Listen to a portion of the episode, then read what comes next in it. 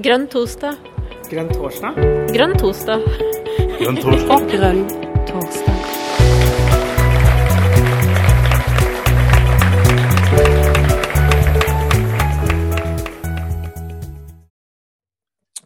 Det er bra.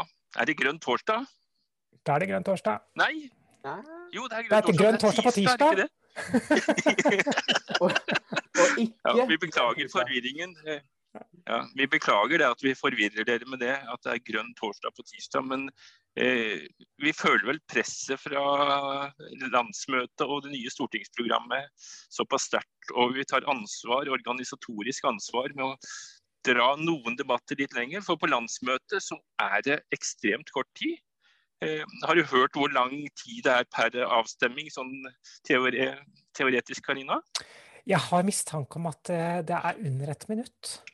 Ja, jeg tror 45 sekunder, så hvis vi putter på noen saker til, så kanskje det går ned mot 30 sekunder per avstemning. Ja, det, og det er litt tøft å høre, fordi at jeg ønsker å løfte noen av disse sakene ut av såkalt blokk. Og det kan jo være hardt å få til. Mm. Ja. ja, er du klar Jonas? Eh, Du er litt opptatt av det her europagreiene, vet jeg, så da regner jeg med at du er klar. Europagreier er jeg veldig opptatt av, så jeg Ja. gleder meg masse. Mm. Og så har vi fått Hanna Markussen her. Eh, I 2013 så virra jeg ned i Oslo sentrum, og så ringte jeg på der det sto det, det grønne. Og der var det bare én dame, og det var Hanna Markussen. Der eh, grand old lady. Ja, det er, det er hun virkelig, og jeg må er si at det er ja, jeg er, vel, jeg er litt sånn starstruck det da når Hanna er med, så, så jeg syns jo det er utrolig stort. Så velkommen til deg, Hanna. Tusen takk. Det er veldig hyggelig å være her. Det er veldig hyggelig å bli bedt om å komme på grønn torsdag på en tirsdag. Og så har vi med oss Andreas Norang Ure, eh, som skal også snakke om dette. Fordi det er slik at EU er nå den største drivkraften for å løse klimakrisen eh, på verdensbasis. Og det arbeidet bør vi være en del av, sier Hanna Markussen, som da er MDG-politiker og byråd for byutvikling i Oslo. Og hun, hun er da blant de som på landsmøtet i mars fremmer forslag om at Miljøpartiet skal bli et ja-parti og gå inn for en ny folkeavstemning om EU-medlemskap. Så da tar vi diskusjonen, da. Eh, rett og slett. Eh, og den tar vi her i dag på Grønn torsdag på tirsdag. Hanna, vær så god, ordet er ditt. Tusen takk. eh, Og veldig glad for at dere faktisk bidrar med nettopp det å ta diskusjonen sånn. For det er jeg helt enig i at landsmøtet, og særlig et landsmøte som er digitalt, hvor man ikke engang får tid til å snakke med hverandre på kveldene og sånn som man vanligvis gjør på landsmøtet, så er det eh, Dette er en tung og stor diskusjon, så det er veldig fint.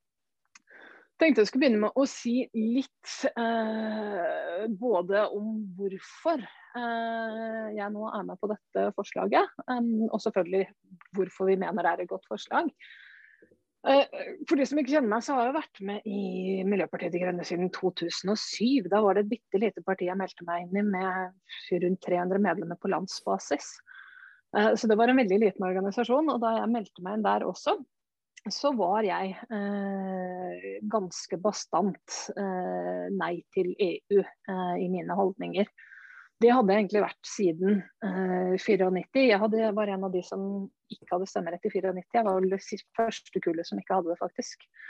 Men samtidig så, så ble det diskutert mye, og miljøbevegelsen tok jo da og mobiliserte ganske kraftig mot eh, norsk medlemskap med begrunnelsen om at eh, Norge kunne få til en mye bedre miljøpolitikk ved å stå på utsiden. Og Det var egentlig noe som jeg også da trodde på, og trodde hardt på for så vidt. Og gjorde egentlig det helt frem til jeg begynte å engasjere meg politisk selv i 2007 um, i dette partiet. Og så begynte jeg jo for det første å lese meg litt opp på hvor lite som hadde skjedd på klima i Norge. Eh, og for så vidt også på en del andre miljøspørsmål. At det i grunnen var eh, mye hvor det hadde stått på stedet hvil, til tross for at det hadde vært snakket en del om det. Så det, hele tanken om et annerledesland som lå liksom langt foran de andre på klima og miljø, det skjønte jeg etter hvert at ikke stemte. Og så var det noe annet som også begynte å endre mine holdninger til EU. og Det var jo at um, vi var et lite parti på den gangen, så veien til toppen var ganske kort. Uh, I 2008 så ble jeg talskvinne, det var jo før vi hadde partiledere for partiet. og Det betød også at, um, at, jeg måtte begynne å dra på rådsmøte med de europeiske grønne. For vi er jo del av dette store felleseuropeiske grønne partiet. Og der er det rådsmøter eh, vel én eller to ganger per år. Og som talskvinne så var jeg også der representert. Og det som etter hvert begynte å undre meg over, var jo for det første at eh, storparten av disse søsterpartiene våre var veldig positive til EU. Og Det syns jeg var litt sånn rart når jeg kommer fra Norge og tror at når man er opptatt av klima og opptatt av miljø, så er liksom EU er nærmest det store, stygge ulven som bare vil eh, få oss til å forbruke mer osv. Så, videre. så det syns jeg var litt rart. og Det fikk meg til å begynne å tenke.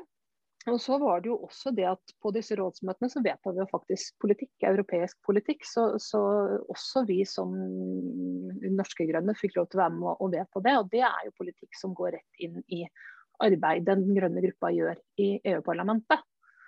Og da begynte jeg etter hvert å skjønne for det første at um, at EU ikke var den der mm, svart-hvitt statiske organisasjonen som jeg egentlig hadde trodd fra 94.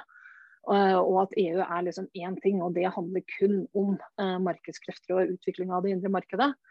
Begynte å skjønne etter hvert at for det første at EU hadde utviklet seg ganske mye i løpet av de årene. Og ikke minst at det er under utvikling hele tiden. Og at det er et levende demokrati i EU. Og ikke minst noe som jeg også da syns var veldig spennende, og det er jo faktisk at uh, de grønne partiene, selv om de ikke er blant de største gruppene i parlamentet, de har vel ofte vært sånn femte største, uh, jeg må innrømme at jeg ikke vet nøyaktig hvor de er i størrelse orden nå, men de er der et sted. Men samtidig så, så opplevde jeg jo at den grønne gruppa i EU-parlamentet også fikk veldig mye gjennomslag for sin politikk, nettopp fordi at grønne partier er ganske samkjørte på tvers av landegrenser. Så i motsetning til en del av de andre gruppene i parlamentet, hvor det er ganske stort sprik fra land til land, f.eks. blant de sosialdemokratiske partiene, f.eks. Så har Den grønne gruppa faktisk klart å sette mye på agenda. De har klart å få mye gjennomslag, og nettopp på klima- og miljøsaker. Og selvfølgelig også en del andre saker som borgerrettigheter osv. som de også kjemper for. Så alt i alt, i løpet av de første årene hvor jeg eh, holdt på med dette, så begynte jeg jo liksom hele min tanke om at EU som dette eh, miljøfiendtlige monsteret jeg hadde trodd det var i 94, at det faktisk ikke stemmer. Jeg skal ikke si at, uh, at uh, jeg syns alt av EU er perfekt i dag. Og det er absolutt EU-politikk som vi som grønne burde være imot. Og det er jo også ofte den grønne gruppa i EU-parlamentet. Men samtidig så, så jeg jo også det at her skjer det mye. Uh, her får de grønne partiene mye gjennomslag. Og ikke minst um, at EU etter hvert har blitt kanskje, eller ikke kanskje engang, men på verdensbasis så er EU åpenbart den fremste drivkraften en større region for å klare å få til handling. Og der er det jo et eksempel som jeg tenker det er greit å trekke fram, det er jo klimagassutslipp, hvor man veldig gjennomsnitt i EU har kuttet eh, rundt 20% mens man i Norge fortsatt er liksom helt i startgropa på kuttinga. Og det i Norge har stått stille i veldig, veldig mange år. Det har vært en utvikling, sånn jeg ser det ut fra de miljøargumentene som jeg også eh, trodde veldig på i 94, så har EU utviklet seg til fra å for så vidt primært være opptatt av å utvikle det indre markedet, til å bli faktisk den drivkraften som jeg eh, personlig etter hvert tror at er den som trengs for å få til handling. Både fordi at EU, er, en, altså EU er en helt stor region, eh, så selvfølgelig er det EU gjør eh, får stor effekt i Europa, men ikke minst også fordi at EU såpass har såpass mye markedsmakt på verdensbasis også. Så når EU f.eks. vedtar en klimalov, så er det noe som også man begynner å tenke på i Kina eller i USA eller andre steder. I motsetning til hva hvert enkeltland gjør alene. Og så, jeg, så, vet jeg jo at dere har for ikke lenge siden hatt folk til å snakke her om EUs eh, e grønne giv, så jeg skal ikke gå i detaljer på det. Men det er klart at det er fra EUs side nå et fryktelig stort trøkk på, uh, på, klimapolitikk, og for så vidt også miljøpolitikk, altså annen miljøpolitikk med biomangfoldsstrategien uh, bl.a. Men EU har med karbontollen man snakker om, med taksonomien, med eh, hvordan investeringer skal gjøres osv., så, og så, videre, så er det EU blitt en politisk arena som virkelig ligger i forkant for å klare å få til det grønne skiftet. Og så er det jo litt sånn at vi har jo FN også, og som parti så er vi også veldig positive til FN. Um, samtidig så er det en ganske stor forskjell på FN og det man vedtar i FN og det man vedtar i EU. Begge deler er viktige. Men det er forskjellig. og Det som er annerledes med EU, er jo at det blir utarbeidet lovverk av det. Det er bindende, det er forpliktende for medlemslandene å faktisk gjennomføre på. Og det er utrolig viktig for at vi skal klare å få til nok handling raskt nok. Så nå har jeg etter hvert kommet dit at jeg tenker at EU er, om ikke løsningen på det hele, så i hvert fall det slagkraftige overnasjonale samarbeidet vi trenger for å løse både klima- og naturkrise. Og så er det jo selvfølgelig et spørsmål som jeg skjønner at mange har stilt seg nå. og det er jo litt Hvorfor skal vi ta debatten i MDG nå? Um, er, det er jo snart stortingsvalg. Er ikke det strategisk uklokt å gjøre? Eh, jeg mener ikke det. Jeg tror at dette er riktig tidspunkt. Altså, kan man jo si sånne formelle ting som at det er faktisk nå vi i valgår vi har de store prosessene våre med, med programdiskusjoner, og det bør tas i programdiskusjonen. Men jeg syns også at det er viktig fordi at for det første så tenker jeg at det er viktig at vi som grønt parti erkjenner og begynner å bli den viktigste drivkraften for å få til handling og skifte, få til det grønne skiftet så er det også det at um, jeg tror at det er bedre at vi diskuterer det uh, nå enn å ikke før valget. Det, hvis man har lest uh, det, i aviser i det siste tider, så begynner de nå f.eks. å skrive om at Senterpartiet og SV uh, ønsker å skrote eller reforhandle EØS-avtalen og kanskje blir de større enn Arbeiderpartiet osv. osv. Så, videre, og så, så dette, dette kommer på agendaen nå til dels uansett. Og jeg eh, tenker at uansett hvordan dette lander på landsmøtet, jeg tror og håper virkelig at uansett om det får flertall eller om det eh, faller, eh, så vil vi alle sammen kunne leve med det. Og leve ikke minst godt med at jeg tror denne diskusjonen gjør oss klokere. Alle sammen. At vi alle lærer litt mer om EU og ha den. Og så tenker jeg at det er uansett fint en, å vise til de debattene som foregår med Senterpartiet og SV, at vi diskuterer ikke det. Hos, I vårt parti så går disse debatten mellom skal vi ha EØS eller skal vi ha EU-medlemskap. Og Det er der den grønne debatten og debatten hos oss ligger. Og så tenkte jeg jo også at, Nå nevnte jeg jo innledningsvis at jeg var første generasjon som ikke hadde stemmerett i 1994. Og jeg er jo ikke dessverre noen ungfole lenger, jeg er 43. Og det vil si at det egentlig er ikke bare én generasjon, men ganske altså flere generasjoner nordmenn som aldri har tatt stilling til dette spørsmålet. Og også det gjør at jeg tenker at å arbeide for en ny folkeavstemning er helt på sin plass, og er noe som vi som grønt parti faktisk eh, ikke bare kan leve godt med, men faktisk at det er positivt at vi er pådrivere med for det. For det er unge generasjoner som skal ha mulighet til selvstendig å ta stilling til dette. Og så tror jeg også at det er mulig å få til en mer nyansert og opplysende debatt enn det det har vært tidligere. Og det tror jeg vi kan bidra til. Så er det noen som sier det som er med EU-debatten, det er bare feile fronter. Men sånn jeg så det Skottland, den diskusjonen man hadde i Skottland før de hadde sin folkeavstemning om uavhengighet der, opplevde jeg at de faktisk klarte å ha ganske nyansert. Jeg skal ikke, altså Dette har jeg sett fra utsiden, men, men, samtidig så hadde jeg kontakt bl.a. med en del av de skotske grønne. Og det virker som de klarte å ha en mer nyansert debatt enn det f.eks. EU-debatten har vært i Norge, eller det eh, brexit-debatten har vært i Storbritannia som sådan. For den har ikke vært nyansert. Men Skottland har klart en gang, og jeg tenker at det kan vi som Grønt parti også bidra til at vi får i Norge. Jeg tror kanskje jeg skal eh, runde av der og gi ordet videre til Andreas.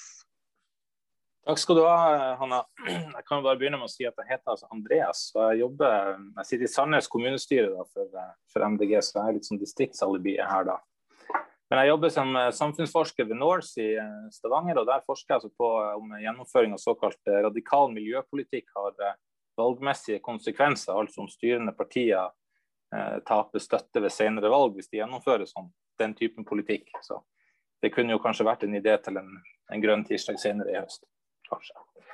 Men eh, som så mange andre i Norge, så, så har eh, også min familie vært gjennom en ganske eh, omfattende klassereise de siste 100 årene. Så eh, I 1910 så kjøpte min oldefar en gård på Sandtorg ved Tjeldsundet, i dag del av Harstad kommune.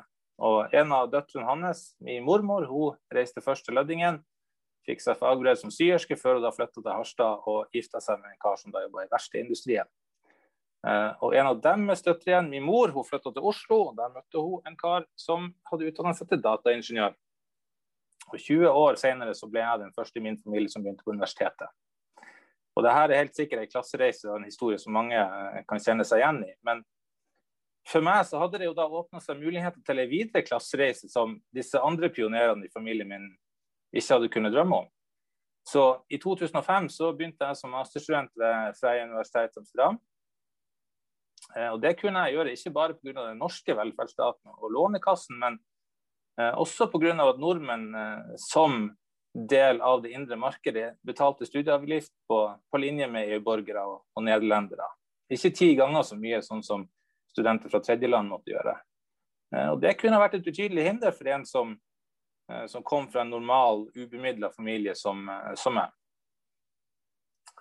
Etter Amsterdam så fikk jeg jobb i Oslo, men etter halvannet år der så reiste jeg tilbake til Nederland for å studere litt til, denne gangen i Maastricht. Og under det oppholdet så var jeg ikke bare student, da jobba jeg også ved sida som forskningsassistent på Statistisk sentralbyrå. Og Det kunne jeg altså igjen gjøre fordi Norge er en del av det indre markedet.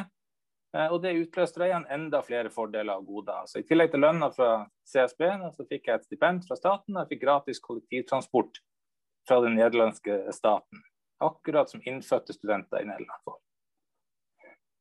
Etter Maastricht så ble jeg ansatt som doktorgradsstipendiat ved Stockholms universitet, også det finansiert av EU gjennom Det europeiske forskningsrådet. Og da jeg var ferdig med det, fikk jeg jobb i Elita tankesmie i Brussel som jobber med å gjøre EU sin landbrukspolitikk grønnere. Og Det siste spørsmålet jeg fikk før jeg signerte kontrakten der, det var altså, er Norge del av det felles arbeidsmarkedet. Og ja, sa jeg. Bra, sa hun. Ellers så kunne vi ikke ansatt deg. Forskninga jeg gjør på Norse i dag, den er delvis finansiert fra Sverige. Og kriteriet for å kunne søke om de midlene der, det var avlagt en doktorgrad ved et svensk universitet. og Det er også noe som jeg til dels har EU og EØS å takke for. Så poenget mitt er at jeg har vært heldig. Og jeg har fått leve ut noen av disse fantastiske mulighetene som det europeiske integrasjonsprosjektet gir oss. Og Det har vært bra for meg, men jeg vil også påstå at det har vært bra for Norge og bra for Europa. Og Det er et lite, men for meg betydningsfullt eksempel eh, på det, og det er dette. Altså Mine besteforeldre de gjennomlevde to europeiske kriger og tysk okkupasjon. Og mine to døtre de har nå to tyske faddere. Og det var ikke gitt at det skulle gå sånn. Men nå vil sikkert noen si at ja, men dette har vi jo fått gjennom EØS. Hvorfor skal vi ta steget videre inn i fullt medlemskap? Nå har jo Hanna allerede presentert noen av argumentene våre for det, men jeg skal ta og komme med et par til. Og Det første det er altså at Norge er et lite land, og vi trenger en trygg geopolitisk forankring. Eh, vi har store naturressurser, vi er et lite land i en stadig mer uforutsigbar verden. Og vi har en nabo som over de siste 10-15 årene har vist vilje til å handle aggressivt for å oppnå sine mål, eh, både åpent og i det skjulte. Og Det gjør at det er av største betydning, nærmest vitalt for Norge, å stå i et fellesskap av likesinnede land som kan være en garanti for trygghet og fredelig utvikling i Europa. Så har vi jo siden 1947 vært med i Nato, der uh, vi har USA som sikkerhetsgarantist. Men uh, de siste ti årene så har det jo blitt stadig tydeligere at uh, USA sine prioriteringer har endra seg. Og I 2017 så uttalte Angela Merkel at Europa nå måtte ta sin skjebne i egne hender. Og Dette har Det europeiske rådet senere konkretisert som det de kaller strategisk autonomi. Altså Nemlig kapasiteten til å handle på egen hånd når det er nødvendig, og med partnere når det er mulig. Og tallenes tale er jo klar. Uh, I 2050 så vil antagelig Kina være verdens største økonomi, med USA og India og Indonesia på de, største, på de neste plassene. Og Tyskland vil være det eneste europeiske landet eh, blant verdens ti største økonomier. Så det er bare et samla og sterkt Europa som kan utgjøre en gruppe som har tyngde nok til å føre en selvstendig politikk mot disse her geopolitiske aktørene. Og EU er allerede den viktigste partneren vi har i utenriks- og sikkerhetspolitikken ved sida av USA. Vi har et uh, felles verdigrunnlag. Vi uh, deler overbevisninga om at uh, internasjonalt samarbeid skal bygge på folkerett. Og vi har allerede tett politisk dialog med EU. Og vi deltar i sivile og militære operasjoner sammen med EU. Så EU-medlemskap vil øke den langsiktige tryggheten vår, og det vil gi oss en bredere sikkerhetspolitisk plattform enn vi har i dag.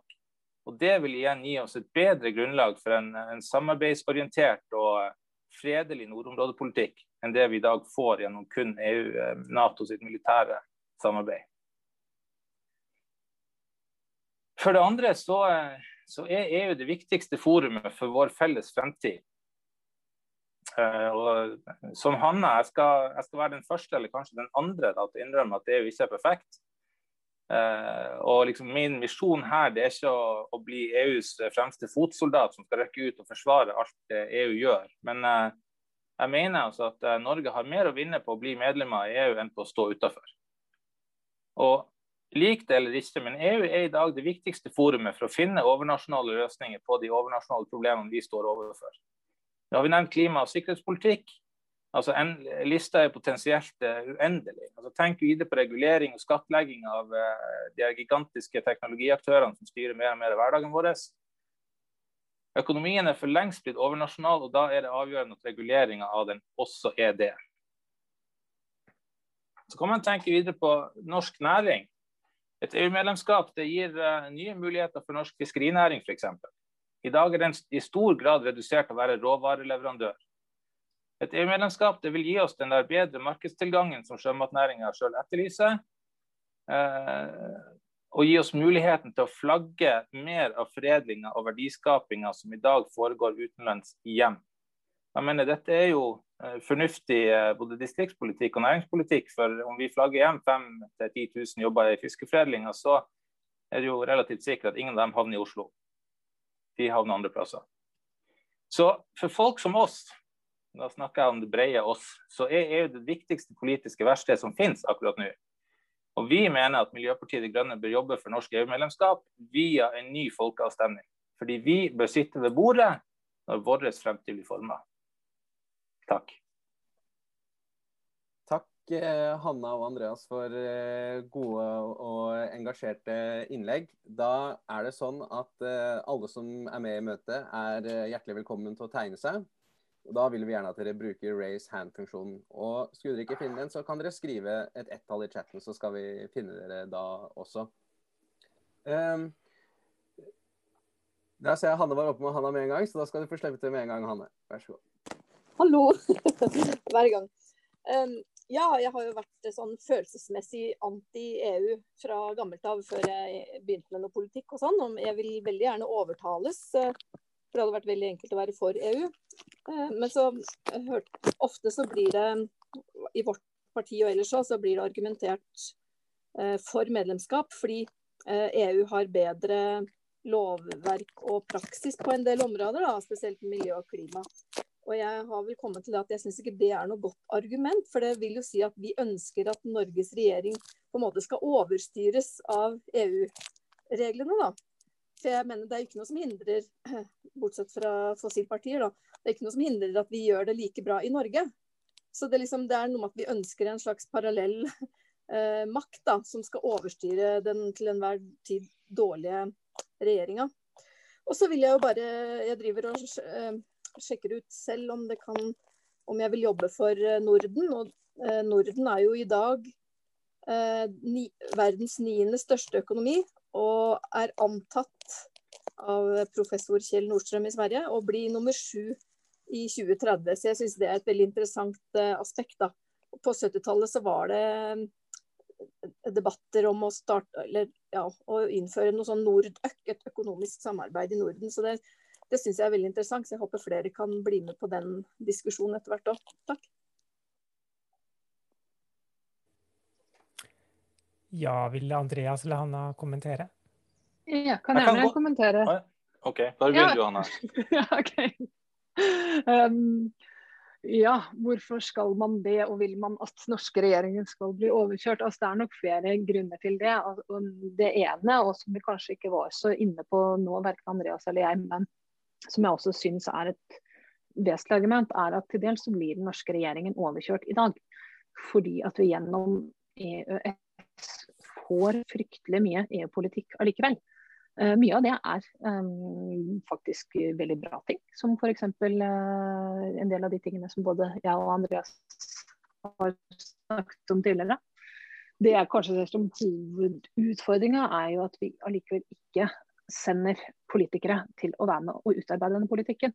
Jeg tror det hadde vært bra for norske politikere i større grad å, å også aktivt forholde seg til uh, diskusjonene som går i EU, nettopp fordi at en del av disse store eh, globale krisene som vi må eh, håndtere, som f.eks. klima, eh, får et annet perspektiv i overnasjonale fora enn det de får eh, hjemme på, i storting og regjering. Um, samtidig tror jeg også at det ville vært bra for norsk eh, debatt, fordi vi ser at norsk debatt i forhold til den politikken som vi faktisk uansett får via EU eller EØS-avtalen, ligger um, langt på etterskudd. Uh, jeg var en av de som mobiliserte mye uh, diskusjonslagringsdirektivet. Uh, det var en kjempemobilisering i Norge på det. Uh, den var jeg vet ikke om det var ca. to år for sent eller tre år for sent. Da var diskusjonen tatt i EU. Vedtakene var gjort, og det egentlig som gjensto var å få det i norsk lov. Jeg tenker kanskje at norsk regjering skal jo forhåpentligvis være med på å gjøre grønnere eh, på sikt. Men samtidig så tror jeg oppriktig at skal vi virkelig ta del i de viktige diskusjonene politisk som foregår i EU, så klarer vi ikke å få det til eh, med dagens EØS-avtale. Jeg skulle ønske at vi kunne koble oss på sånn som Norge var en del av det før vedtakene ble gjort, og at diskusjonene også ble tatt i Norge før vedtakene ble gjort, enn at Norge hele tiden dilter etter og derfor ikke egentlig engasjerer seg på den måten man burde ha gjort. Da. Takk, eh, Hanna. Ønsker du også å kommentere, Andreas? Ja, eh, jeg så jo at Hanne eh, hadde posta argumentet på Facebook. Da måtte jeg nikke litt anerkjenne. Det, det her klimaargumentet må jeg innrømme, det er ikke mitt favorittargument heller. Altså For meg så er EU, eh, som jeg prøvde å, å, eh, å si litt om innledninga, det er mye mer et europeisk solidaritetsprosjekt. Og samtidig så er det et solidaritetsprosjekt som vi er så eh, godt integrert i, ikke minst eh, med tanke på at 80% av det vi eksporterer, går til EU. At eh, eh, vi har en egen interesse av å søke også innflytelse der. Og være med på å lage reglene, ikke bare ta imot dem.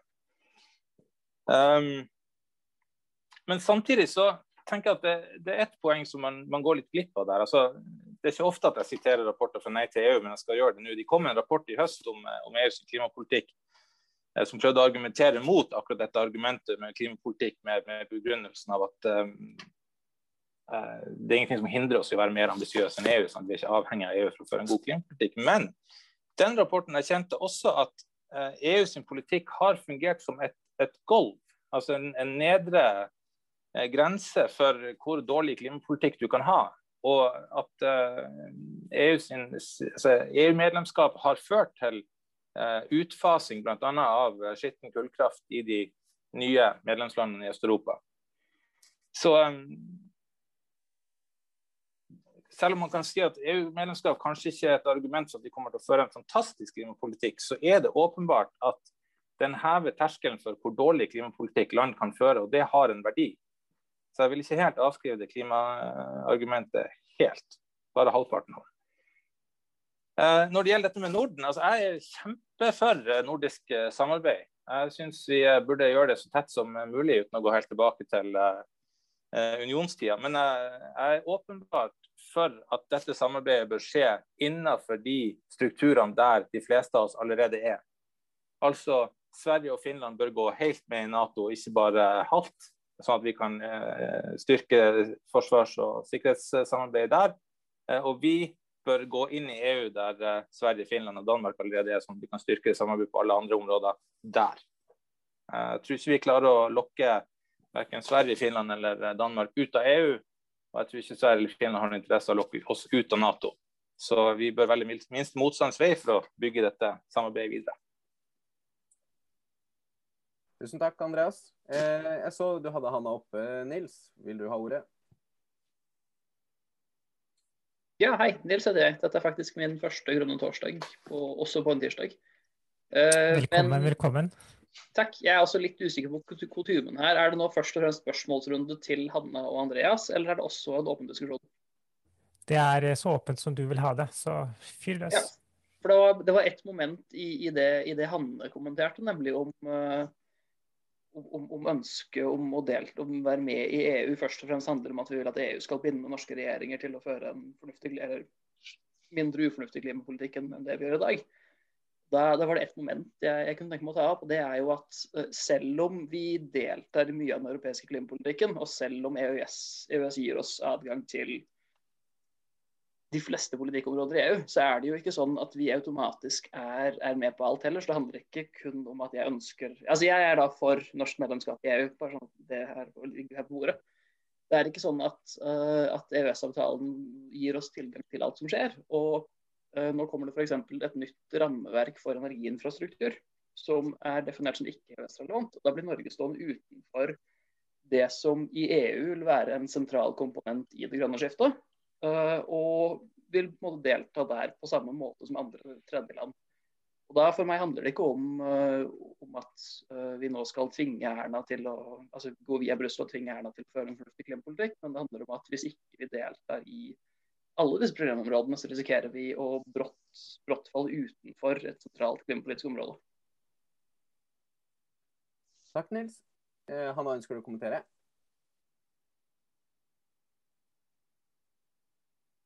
Jeg tenker vel at det, altså jeg er for så vidt enig i de tingene. Så, så ser ikke så veldig Jeg tror, ja, har ikke behov for å kommentere på det, tror jeg. Takk. Carl har tegna seg.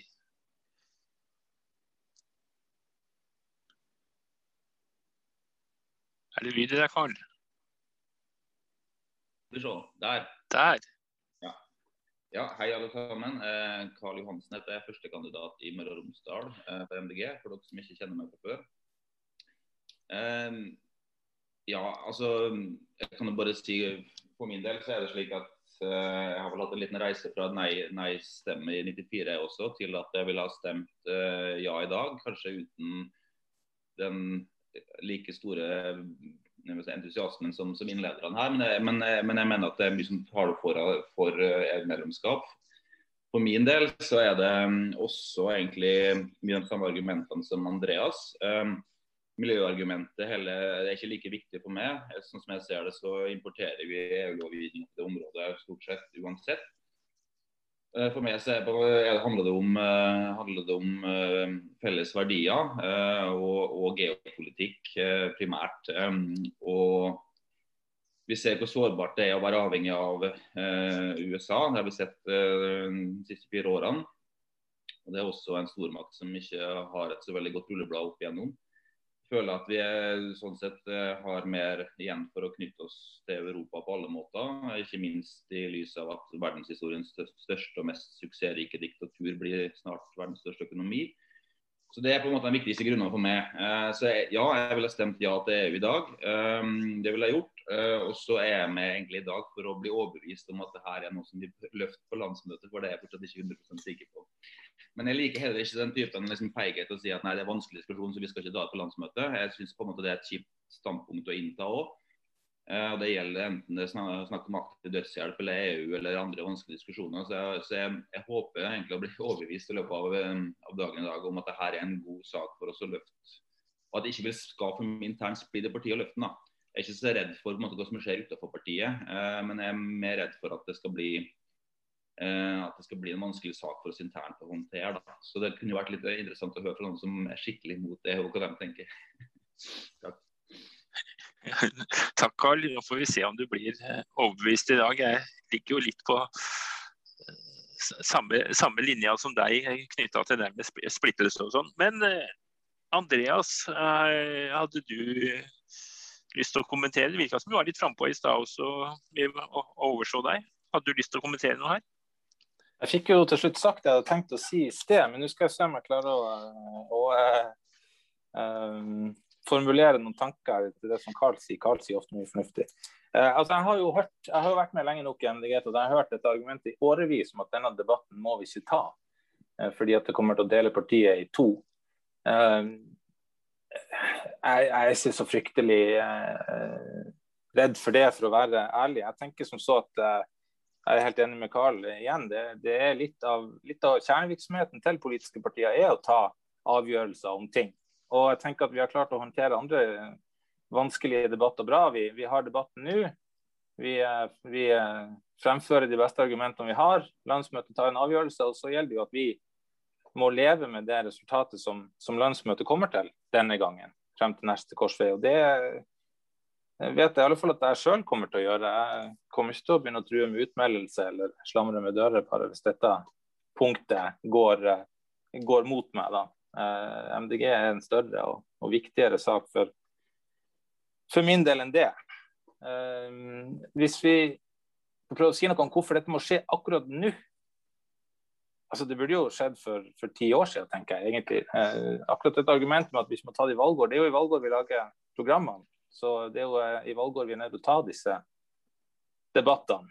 Eh, men jeg tenker jo at argumentet, det viktigste og viktigste argumentet for det er egentlig det samme som vi fremfører i alle andre sammenhenger. Altså, skal vi redusere oljeavhengigheten, så er det viktigere enn noensinne at vi knytter oss til det viktigste eksportmarkedet vi har, fordi fastlandseksporten i Norge den går ned.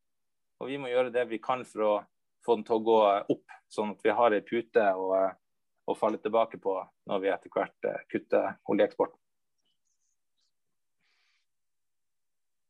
Takk. Eh, jeg er jo bekymra for hovedmålsetninga til MDG på dette valget. Og det er jo 4% Og jeg tenker jo det at uh, dette er en sak som uh, det er såpass mye uenighet om at det kanskje det kan resultere i at vi ikke drar sammen gjennom denne vanskelige valgkampen. Så jeg, jeg heller mot å da gå mot forslaget deres her med den argumentasjonen. Og så må jeg jo innrømme at jeg stemte nei i 94, og nå er jeg sterkt i tvil. Så, men av taktiske hensyn, for eh, i håp om å komme over sperregrensa, kommer vi ikke over sperregrensa, så kan vi mene hva vi vil, tenkte nå jeg da. Altså, vi må du, komme du, i posisjon. Du stemte ikke 72, gjorde du det, Jon? Eh, nesten.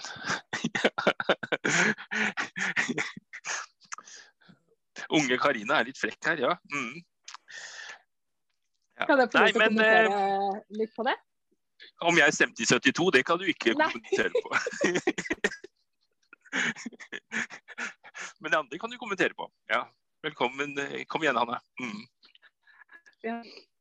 Nei, det var, det var, ikke det jeg hadde tenkt å kommentere på deg. Um, nei, altså det er nok mange, uh, mange uh, politikkområder som kan smerte litt, og som man tenker at man skal styre unna.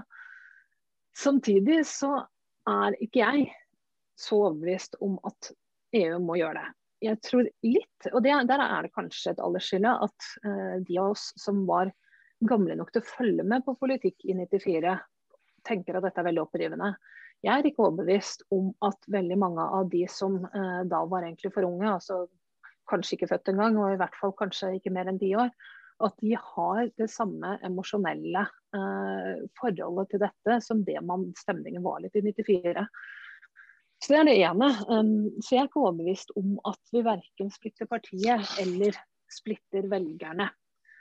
Um, og så er det jo et poeng her at våre velgere, det vi vet om dem, er fra den senterundersøkelsen vi gjorde for Klassekampen, som viser at uh, de er delt på midten, for så vidt 49-49, på om de er for eller nei mot norsk EU-medlemskap. det kan høres ut som det er dyp splittelse, men det er faktisk det høyeste antallet av positive eller EU-tilhengere blant velgerne til noe parti. Eh, så det er et poeng at vi ikke nødvendigvis eh, altså at vi nok har veldig EU-positive velgere, eh, også veldig positive til EØS. Samtidig så tror jeg at hele kjernen ligger i hvordan vi tar debatten. Noen vil alltid være så knyttet til en sak at de melder seg ut av den grunn. Det kan være vindmøller, det kan være ulv, det kan være hva som helst. De fleste så vil ikke én sak alene være det som avgjør verken om man velger eller om man velger enkeltparti. Um, under halvparten av Høyres velgere er for EU-medlemskap. Under halvparten av Venstres velgere er for medlemskap. Så jeg tror på en måte at det er mulig å ta den debatten uten at den blir altoverskyggende og dominerende.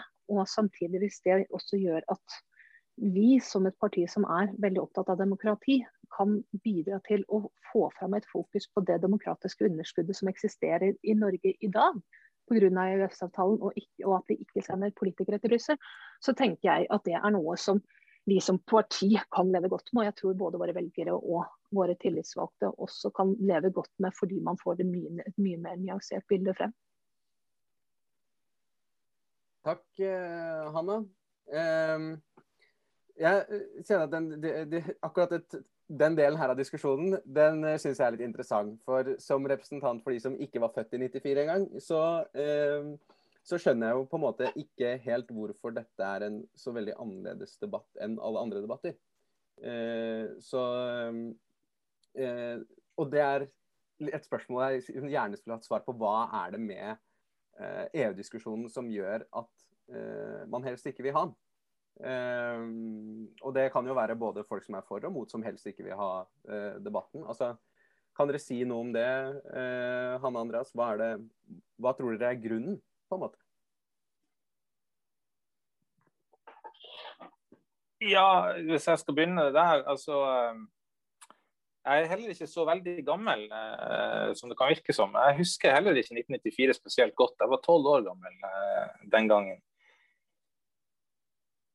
Jeg har jo et inntrykk, uh, uten å ha en spesielt støtte meg til, at uh, det er et veldig stort identitetsspørsmål, eller har vært for de eldre generasjonene. Jeg har alltid tenkt at dette har noe med krigen å gjøre, og uh, unionstid og dansketid. Og det der med selv, um, selvråderett og selvstendighet har vært sånne ting som de generasjonene før oss har blitt innprenta er sykt viktig. Og at det har gitt uh, politikere noe å spille på når disse sakene har vært oppe før. da så tenker jeg at verden har endra seg siden 94. Vi har endra oss. Vi er, vi er, andre mennesker i dag enn vi var i 94. Vi er langt mer avhengig av verden rundt oss enn, enn, vi, enn vi, var i 94, kanskje. Vi er blitt mye mer oppmerksom på verden rundt oss. Jeg tenker at det er bare en naturlig utviklingsprosess. Uh, og at den saken her ikke burde være uh, spesiell på den måten man kan få inntrykk av at den er. Jeg, jeg, tror ærlig talt ikke at den er det. Jeg tror det er noe vi er redd for. Takk, Andreas. Og bare snike inn en kommentar her. Eh, jeg, I 1972 så gikk jeg med Buttons der det sto nei til EEC og dyrtid. Så kan vi lure litt på hva dyrtid er. Ta den videre, Jonas. ja, nå skal jeg passe på ikke bare bli sittende og lure på det. Uh, Alexander, du har hatt uh, handa oppe en stund. Vær så god. Ja, ja, tusen takk. Og takk for en uh, kjekk og god, god debatt. Jeg er gruppeleder for, for, De Grønne i Rogaland fylkesting. For de som ikke vet hvem jeg er i, i MDG-systemet. Jeg er selv EU-borger. Jeg har en tyske pass. Så jeg kommer ikke til å stemme verken for eller imot, fordi jeg har ikke stemmerett på nasjonalt nivå. Um, og det ser ikke sånn ut som det endrer seg med det første. Men likevel er det en, en, en sak som, som, opptar meg. Og som tidligere økobonde er jeg ganske så opptatt av den jordbrukspolitiske biten. Og jeg kan ikke påstå at jeg kjenner særlig godt til det EU-systemet. Men ut ifra det jeg får med meg i, i jordbruksfora der jeg er med, er jo en altså, en generell oppfatning av det norske jordbruket kan litt flåsete sagt pakke sammen hvis vi subsidierer kun etter EU-regelverket. Fordi vi, vi, bruker mer penger på våre bønder. Og det er en utfordring hvis du skal ha et eh, system som støtter opp under jordbruksproduksjon, som skal tilfredsstille behov til en bonde i, i Sør-Portugal og en i, i, Finnmark, der de agronomiske forutsetningene er så vidt forskjellige at det er egentlig utenkelig å få til et, et fornuftig system som kan tilfredsstille begge, begge bønders behov. og Det er en stor utfordring for, for meg, fordi jeg syns det, det norske jordbruket er uh, under altfor stor press med, med, de jordbrukspolitiske mulighetene og den handlingsrommet vi har dagen i dag. og jeg tror den blir voldsomt innskrenka hvis, hvis, Norge skulle bli en, et medlem av, av EU. Og jeg, jeg, tenker det å, ha uh, kontroll over sin egen matproduksjon og uh, selvforsyningsgraden, som er altfor lav i dette landet, det er noe som kommer til å være et ganske så vesentlig uh, faktor om uh, kanskje 20-30 år. Uh, når, når, klimaendringene virkelig slår inn og vi, vi kommer til å oppleve situasjoner med, med, med matforsyningsproblematikk på, på, global basis. jeg må medgi at jeg er ganske så pessimistisk med tanke på hva som venter oss på den fronten. og ja, men eh, kanskje dere har litt mer peiling på, på forskjellene enn meg, og, og, kan si noe om det. Men altså, for meg er det egentlig det som er hovedargumentet hvorfor jeg ville ha stemt imot et medlemskap i EU hvis jeg hadde stemmerett. Takk skal ja, du ha, Aleksander. Eh, da kan, har Andreas bedt om ordet. Vær så god, Andreas. ja, dette er jo, dette er jo et, et, et, vanskelig spørsmål, det er jo det. Men det vi kan gjøre her, altså Det er umulig å si akkurat hva konsekvenser for norsk landbruk ville, ville bli om vi gikk, gikk, inn i EU. Det ville avhenge av forhandlinger i forkant osv. Men det vi kan gjøre, det er at vi kan se på hvordan Finland har klart seg. Vi har vært medlem i eh, over 25 år nå. og Norsk og finsk landbruk er strukturelt ganske sammenlignbare. Altså det er små bruk, det er arktiske produksjonsforhold, det er spredt bosetning og det er generelt eh, mye lavere produktivitet enn resten av EU.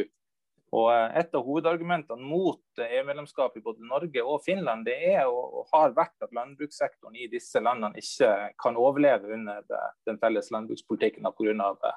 Bortfall av importvern og, og subsidier. Men når man ser på, hvordan det har gått i Finland, så har det gått overraskende bra. De har klart å møte de utfordringene eh, med større konkurranse gjennom bl.a. økt automatisering. Eh, man ser at automatisering av finske gårdsbruk har skutt fart, mens automatisering av norske gårdsbruk den står på stedet hvil. Det kan man tro har noe med å si at det er høyere investeringsstøtte i, de, i EU sine landbrukssubsidier.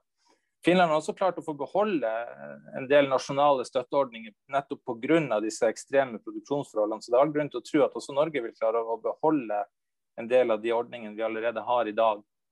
Eh, I tillegg så, så har Finland tjent på at EU sin landbrukspolitikk de siste 25 årene har blitt dratt i en grønnere retning. Og Det er jo også noe som norsk, eh, norsk landbruk vil dra nytte av. Men det man ser i, i det store og hele, det er at Eh, de trendene som var der før 1995, de har stort sett fortsatt både i Norge og Finland. Det er ikke noen dramatiske eh, utviklingstrekk eh, i finsk landbruk kontra det norske. Altså, vi, har, vi har gått mot færre, men større bruk, både her og, og der.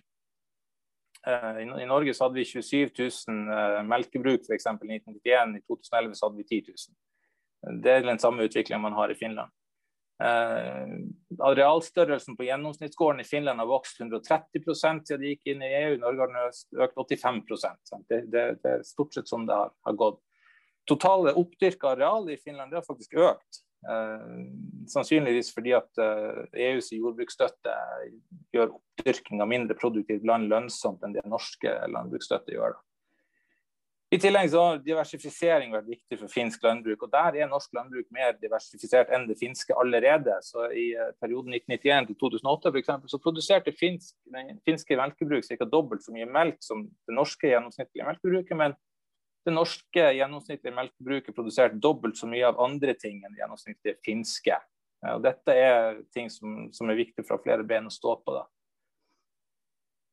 Så må det jo sies at det, det finnes sterke krefter i EU som, som, kjemper for en grønnere felles eh, landbrukspolitikk. altså Bort fra støtte som er basert på areal eller produksjon, og over til hvorvidt bonden møter forskjellige bærekraftsindikatorer. Det er jo en ting eh, som ville gitt eh, norsk landbruk en komparativ fordel. Eh, så Jeg nevnte jo at jeg jobba et år i den tankesmia som drev med landbrukspolitikk i Brussel, RISE. og Der skrev vi en rapport som argumenterte for en sterkere sånn omlegging. og styreformann for den tankesmia det var den gang tidligere landbrukskommissær eh, Fischler, og nå er det tidligere miljøkommissær Potocznik. Og I styret der så satt og, og sitter folk som, som Paolo de Castro, som den gang var formann i EU-parlamentets landbrukskomité. Så det finnes unektelig vilje helt opp til toppen av det politiske lederskapet for å, å få, få, lagt om landbrukspolitikken i, eh, i EU. da. Mm. Og Dette er endringer som vil være bra for norsk landbruk, men som i alle andre ting så sitter vi utenfor forhandlingsrommet, og vi må inn i det rommet for å kunne påvirke. Takk skal du ha, Andreas. Nå er det sånn at eh, Vi begynner å nærme oss slutten, og vi har en talerliste som foreløpig består av Thomas, Hanne og Marion i den rekkefølgen. Så jeg foreslår at eh, vi gir dere ord i rekkefølge, og at Hanna og Andreas noterer seg eventuelle ting dere ønsker å kommentere. Høres det greit ut? Bra. Da er Thomas, ordet er ditt. Takk for boken, og hei folkens. Thomas her. Førstekandidat første kandidat for De Grønne i eh, Nordland. Eh, jeg er veldig glad for at denne debatten kommer. Det må jeg først og fremst si. Og, men det, det, som er utfordringa for, for, en grønn nordlending, det er å skulle tørre å si at man var Eh, tilhenger av EU. Da får man eh, enten så rister folk på hodet, eller så eh, ja, reiser de deg til helvete, for å si det rett ut. Og, og, og, og det er veldig mye i den, den typen hverdag man trør i. og jeg er nå blitt såpass gammel at jeg husker godt 94 og, og folkeavstemninga og sånn det som, eh, som, Hanna sa noe om litt sånn, hvordan vi tar debatten videre. Det er egentlig det jeg er ute etter. Hvordan i alle dager skal vi ta denne debatten videre? Så eh, litt sånn utfordring til, til Hanna på det. For eh, jeg trenger virkelig eh, Eh, gode nordnorske gloser for å så klare å eh, snakke fram det her når at uh, vedtaket går igjennom, forhåpentligvis, på landsmøtet. Så skal jeg gjøre det jeg kan med min stemme for det, men det må dere ikke fortelle til noen. Takk, Thomas. Og mens Hanna tenker på noen gode nordnorske gloser, så kan vi slippe til Hanne. Ja, takk. Jeg skrev jo i ressursgruppa vår i den debatten her òg at jeg foreslår kanskje som en handlingsplan som landsstyret eller de forskjellige landsmøtet bestemmer, at, eh, at man i tillegg til ordinært programdiskusjon og arbeid da, hvert fjerde år, at man tar én stor, vanskelig sak hvert år.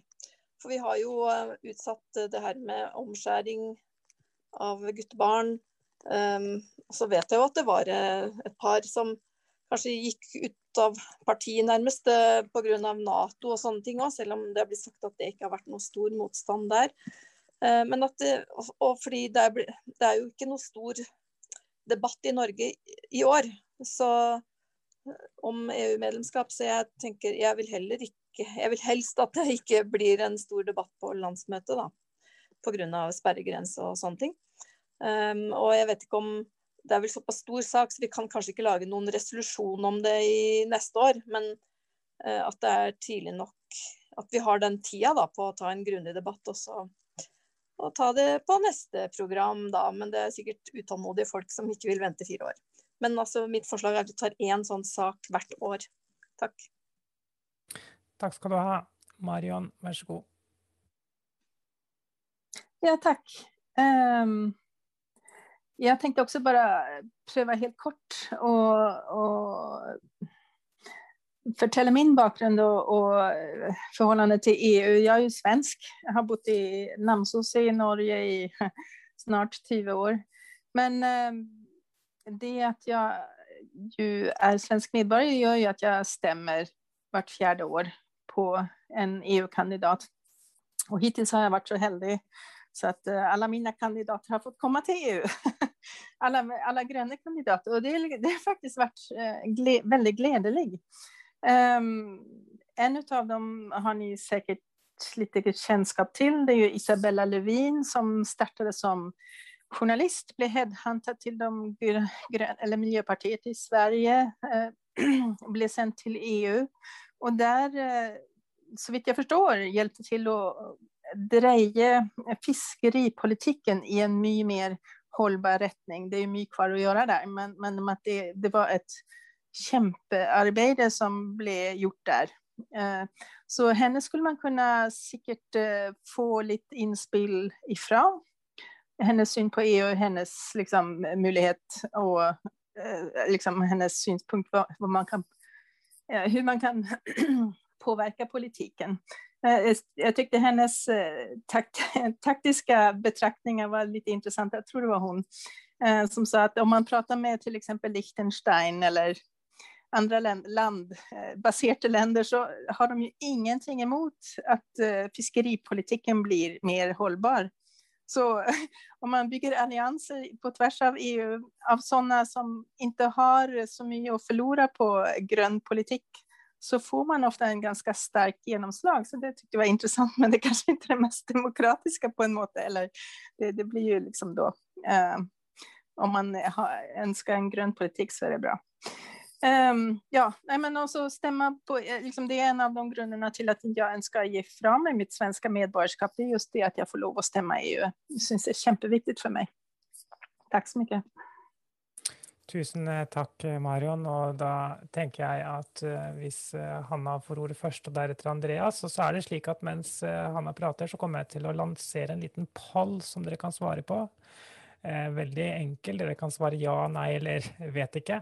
Men Hanna, vær så god, ordet er ditt. Ja. Eh, jeg tror ikke jeg er så utrolig god på nordnorske gloser. Altså jeg, trenger å gå på et lite kurs der for å bli god på det. Men jeg tenker at noen ting hvis dette blir vedtatt, som det kanskje er argumentet vi bør begynne å snakke om, er det som Andreas nevnte. Eh, å snakke om å hente fiskeforedlingen hjem. Eh, så vidt jeg har hørt, for det eventuelt korrigerer man Andreas, så er det kanskje snakk om en 30 000 fiskeforedlingsarbeidsplasser som i dag er i EU, men med norske råvarer. Fordi eh, det ville blitt for dyrt hvis foredlingen skulle foregå her. Så Det er et argument som jeg tenker bl.a. i Nord-Norge ville kunne bidra til å løfte debatten. Men jeg kanskje tenker kanskje også noe av det aller viktigste vi også må fortelle Eh, velgerne våre da, det er for så vidt det som veldig mange stortingspolitikere ikke vil. Det at vi i dag allerede får veldig mye av politikken vår fra EU, langt mer enn det de fleste stortingspolitikere er villige til å innrømme. Er det ikke da egentlig en selvfølge at vi også burde sende politikere til å være med og vedta den politikken? Jeg syns det er et argument som mange eh, som er veldig hardt nei, sliter litt med å svare på. Eh, med mindre man vil ha oss ut av EØS også, men det vil ikke flertallet av nordmenn. Fordi man skjønner hvor viktig det er bl.a. for norske arbeidsplasser osv. Jeg er ikke eh, så redd for dette med sperregrense. Eh, mange årsbruker, jeg skal ikke ramse opp alle, men noe som jeg kanskje syns er veldig vesentlig, det er at dette på en positiv måte, tenker jeg, skiller oss tydelig fra eh, SV og fra Rødt, som begge to er partier som våre motstandere har lyst til å klistre oss sammen med. Og Jeg er nesten like mye bekymret for at hvis vi oppfattes at vi er for like f.eks. SV, som også gjør det um, ganske bra for tiden, så vil velgere tenke hvorfor skal jeg stemme på MDG istedenfor når jeg kan stemme på SV, hvis ikke forskjellen er så stor og SV er litt større og litt eldre osv. Så, jeg tenker snarere tvert imot. Og det å vise at vi faktisk på en god del politikkfelter, og dette er nettopp et sånt politikkfelt for det vi mener vi mener alvor med at internasjonalt samarbeid, overnasjonalt samarbeid er bra. SV snakker mye om internasjonalt og overnasjonalt samarbeid, men når de er imot norsk EU-medlemskap og vil eh, også røre, rokke ved EØS-avtalen, så er det et argument de er vanskelig for å holde. Så jeg, jeg tror dette faktisk kan brukes på motsatt, motsatt vei, og at det like gjerne kan eh, være positivt for å få oss over sperregrensen, selv om jeg tror primært ikke de fleste velgere velger parti pga. EU lenger. Siste bitte lille tingen jeg hadde lyst til å si, og det var egentlig bare litt morsomt siden Mariann nevnte Isabella Revin. For jeg, hadde faktisk traff henne var talskvinne for partiet, så var jeg også invitert til til kongressen, altså landsmøtet til Miljøpartiet i Sverige. Um, så jeg fikk lest den boken hun skrev før hun ble EU-parlamentariker, som hun kalte vel 'Tyst hav', tror jeg den var het og som gikk på hvordan fiskebestanden i uh, Østersjøen uh, var kommet til et kritisk punkt. Og som jeg også har fulgt henne, så er også mitt inntrykk at hun, når hun kom inn i EU, fikk til veldig mye på fiskeripolitikken. Nettopp fordi at hun var kunnskapsrik, hun visste hva hun snakket om, hun visste hva hun skulle oppnå, og jobbet systematisk for det. Så jeg tror også eh, jeg har vært inspirert av henne og det hun faktisk har fått til som e-parlamentariker. Så det var gøy at du nevnte henne er mulig å få til endringer som virkelig betyr noe, ved å gjøre et sånt solid arbeid. Tusen takk, da tenker jeg å takke så mm, Veldig bra. Tusen takk, Hanna Andreas. Ja, eh, jeg burde jo kunne noen nordnorske gloser, men eh, den som eh, faller meg inn, det det er gjevt. Det hadde vært gjevt å kunne sende noen, noen politikere ned til Brussel og være med og ta beslutninger, f.eks. Um, dette med Hanne sin idé altså, om å, om å si, reformere programprosessen, altså det, jeg syns det er en interessant idé. og Det, det sa jeg gjerne på, på Facebook òg. Men eh, altså, programdebatten, programprosessen, det er altså den, den, største og mest inkluderende og lengste og mest uh, legitime prosessen vi har. Og jeg, jeg, ser vanskelig for meg at resolusjonsbehandling i, i landsstyret kan, kan komme opp på samme nivå når det gjelder, uh, når det gjelder legitimitet og, og, og inklusjon. Og, og, når det er sagt, jeg, jeg, tror ikke vi er så flinke til å følge opp resolusjonene vi vedtar som det er. Men, men, jeg er åpen for å reformere programprosessen, absolutt. Så den debatten blir jeg gjerne med på etter, etter valget. Tusen, eh, tusen eh, takk, eh, Andreas. Da er det sånn at Vi stilte spørsmålet ønsker du at MDG skal jobbe for ny folkeavstemning om EU, og 68% svarte ja. Og 18% svarte nei, og 14% svarte vet ikke. Nå er det jo ikke sikkert at dette her er representativt i forhold til landsmøtet, så vi skal ikke tenke for mye på det. Men i hvert fall så var det en gjeng med eh, mennesker her som syns at det å ha en folkeavstemning om EU er innenfor, i hvert fall. Så må jeg bare beklage dette, Karl Johan, at du ikke fikk siste spørsmålet ditt som du hadde håpet du skulle få, for tiden er ute. Så jeg vil samme som du sa, at det ikke nødvendigvis er representativt. Da var det. Ja. Veldig bra. Han sneik seg inn. Han sneik seg inn. tusen takk til Hanna, og tusen takk til Andreas.